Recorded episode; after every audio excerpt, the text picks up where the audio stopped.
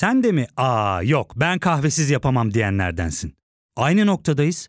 İlk ve tek kahve üyelik uygulaması Frink'le tanış. Hem bütçeni koru hem de hiç bitmeyen kahvenin tadını çıkar. Yakınlarından terapinin onlara ne kadar iyi geldiğini dinlesen de kendin için bir şeylere başlamak zor geliyor olabilir. Ya da sevdiklerine yardım etmeye istekliyken kendi ihtiyaçlarını görebilmek. Hayvel, uzman psikologlarıyla kendi ihtiyaçlarını bulmanda sana destek olacak. Terapi yolculuğuna başlamak için detaylı bilgi bölümün açıklamalarında.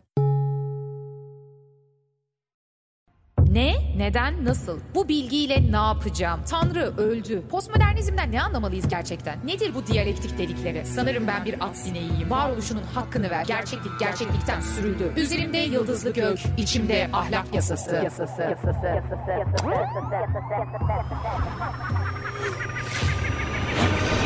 Dünyaya fırlatıldık.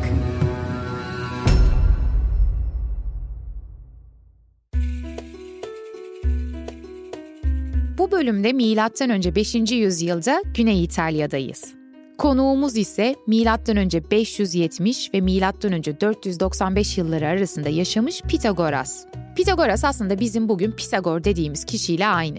Geometrideki o Pisagor teoremini bulan kişi. Kafanız karışmasın. Ama ben bu bölümde kendisinden sürekli Pitagoras olarak bahsedeceğim. Onu da önden belirtmiş olayım. Her Pitagoras dediğimde ha bu aslında Pisagor'du diyebilirsiniz. Bana kalırsa Pitagoras tarihteki en kafa karıştırıcı kişilerden bir tanesi. Çünkü aslında bakıldığında bir yandan Einstein'a eşdeğer bir deha ama öte yandan baklagilleri yemeyi yasaklayan bir cemaat lideri. Pitagoras aslında bir tarikat lideri olarak görülebilir ve o topluluğun belirli pratikleri, belirli kuralları var. Bu kurallardan bazıları günümüzden bakıldığında tuhaf gözükebilir Mesela az önce de söylediğim gibi baklagil yemeği yasaklıyorlar. Ya da yerdeki bir çizginin üzerinden geçmiyorlar. Beyaz horoza dokunmak yasak. Şimdi gerçekten bakıldığında birbirinden anlaşılmaz ve tuhaf geliyor ama bir o kadar ilgi çekici ve hoş özellikler de var bu toplulukta. Örneğin kadınlarla erkeklerin eşit söz hakları var, mülkiyetler ortak ve bir çeşit komün hayatı sürüyorlar. Ortaya atılan herhangi bir icat veya matematiksel keşif de sadece bir kişinin kabul edilmiyor ve topluluğun tamamına mal ediliyor. Bu açıdan topluluğun garip ve ilgi çekici özelliklerini özetledim. Biraz magazinden sonra isterseniz Pitagoras'ın yani Pisagor'un felsefesine gelelim.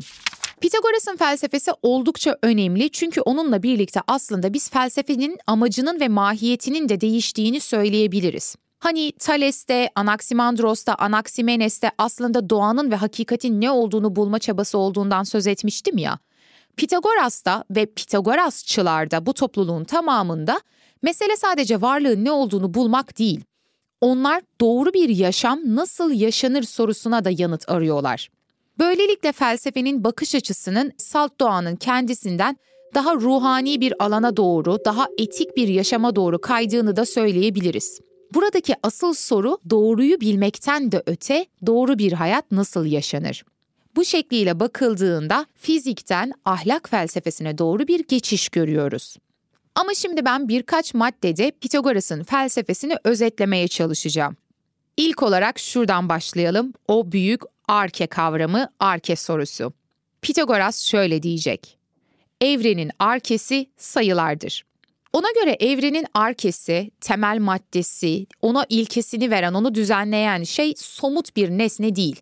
Yani Thales'teki gibi su, Anaximenes'teki gibi hava olamaz.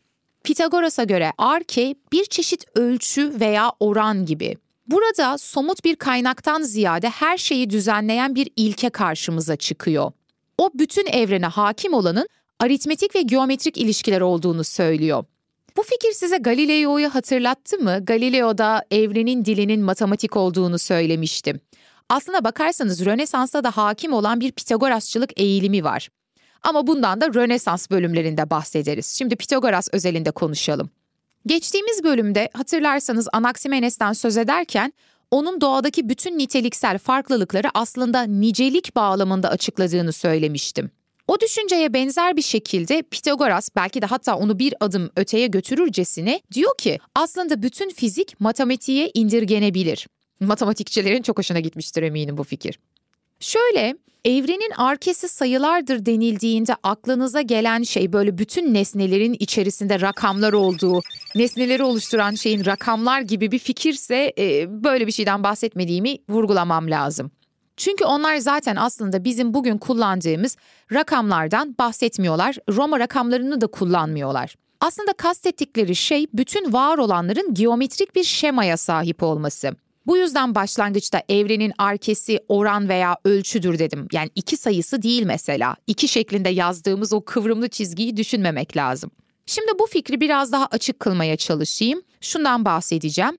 Mesela Pitagoras felsefesinde insan veya atın sayısını bulmak denilen bir şey var.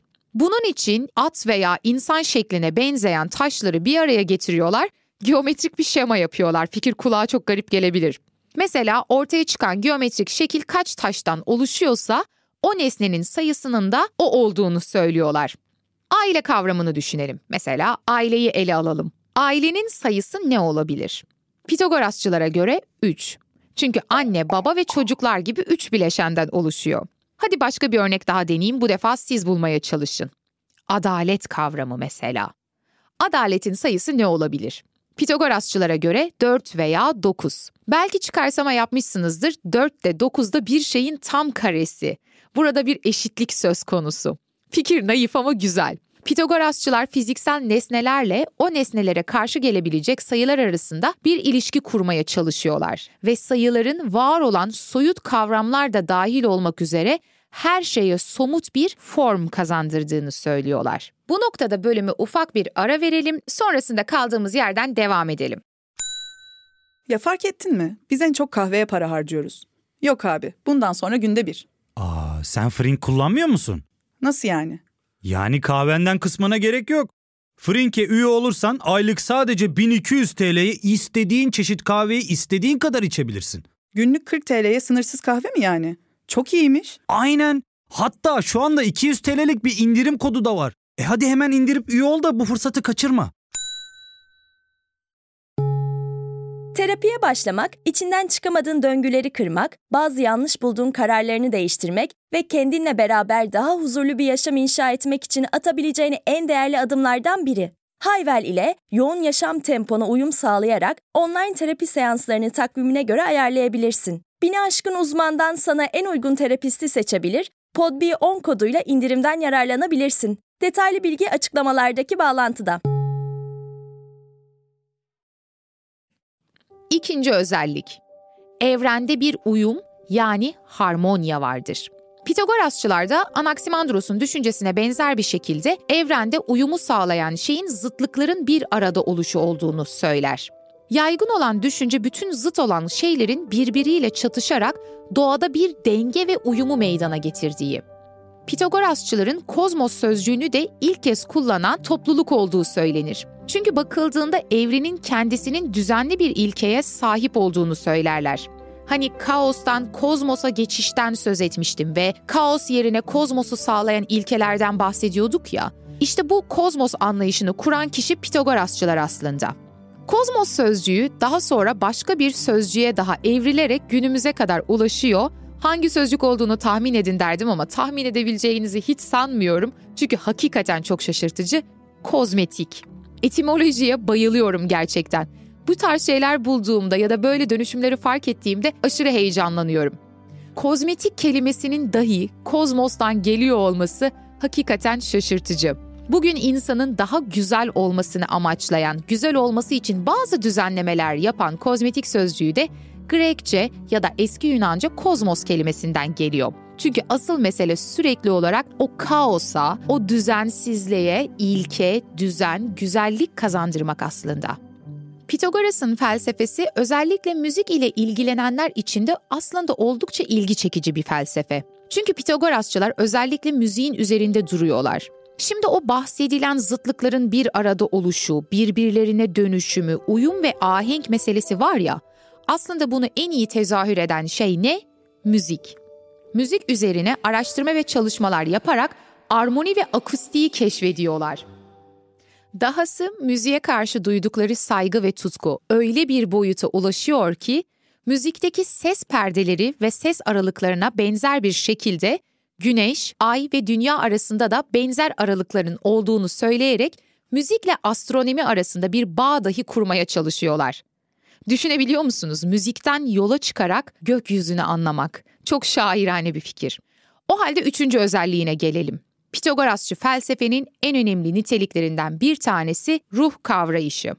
Onlar ruhun ölümsüz olduğunu düşünüyorlar. Bu yüzden Pitagoras denildiğinde aklımıza gelmesi gereken en önemli öğretilerden bir tanesi ruh göçü meselesi. Ona göre ruh ölümsüz ve bu ruh belirli bir döngü içerisinde devinimler ile bedenden bedene dolaşıyor. Bu yeniden doğuşu karakterize eden şey ise sizin bir önceki hayatınızda ne kadar iyi veya kötü bir insan olduğunuz.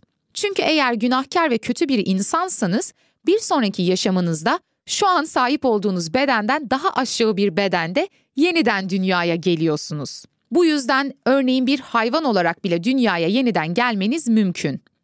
Bu yüzden Pitagoras bütün her şeyin bir ruhu vardır derken aslında şunu kastediyor.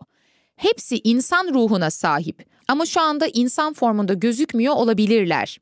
Pitagoras'a göre şu anki hayvanlar aslında daha önceki hayatını günahkar ve kötü biçimde yaşayan insanlar. Bu yüzden yeniden doğduklarında insan formunda değil bir hayvan formunda yeniden dünyaya gelmişler. Bu yüzden de Pitagorasçılar asla hayvan eti yemiyorlar. Çünkü o yemeye çalıştığınız hayvan aslında bir önceki hayatında sizin kızınız da olabilir.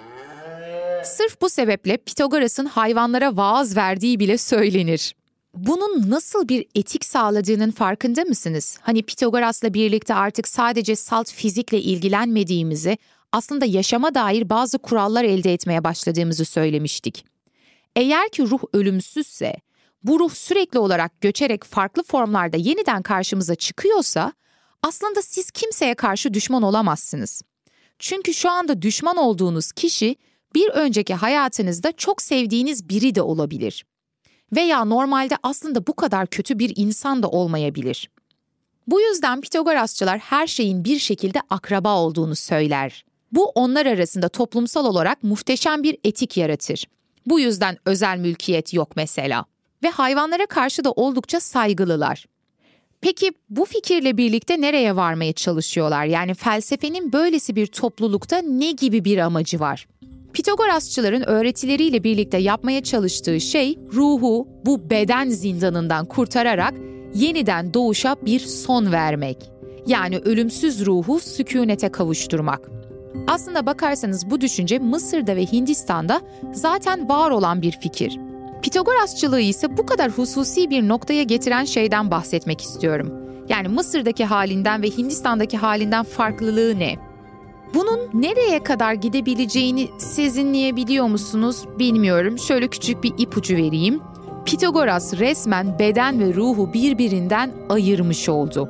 Bu daha sonraki felsefe tarihi boyunca yüzyıllarca sürecek, hatta dinler tarihinde de bir o kadar etkili olacak ruh-beden dualizminin başladığı nokta. Böylece beden sürekli olarak ruhtan daha aşağı görülecek, ruh ön plana çıkartılacak. Bugün bile aşmaya çalıştığımız fikirlerden bir tanesi değil mi? Bedene gereken haklı önemini vermemek.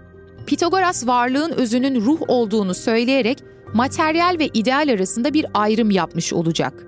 Daha sonrasında materyalizm, idealizm ve dualizm gibi birkaç bölüm önce bahsetmiş olduğum felsefe tarihindeki ayrımlara sürükleneceğiz. Ve böylelikle felsefe tarihinin o temel tartışması da körüklenmiş olacak.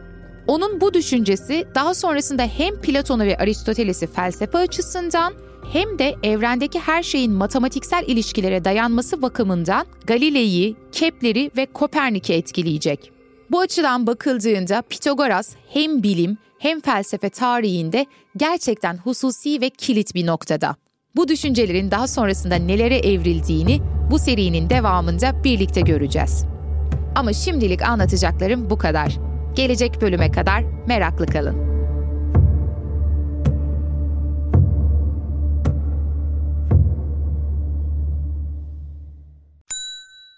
İlk ve tek kahve üyelik uygulaması Frink, 46 ildeki 500'den fazla noktada seni bekliyor. Açıklamadaki kodu girerek sana özel 200 TL'lik indirimden faydalanmayı unutma. Hadi sen de Frink üyeliğini başlat, kahven hiç bitmesin. Hem bugününe hem yarınına katacaklarıyla terapi yolculuğuna ve daha iyi hissetmeye bugün Hayvel ile başla. Açıklamadaki linkten Hayvel'i indir, ücretsiz tanışma görüşmelerinin ardından bütçene uygun seans paketini seç ve terapi yolculuğuna başla.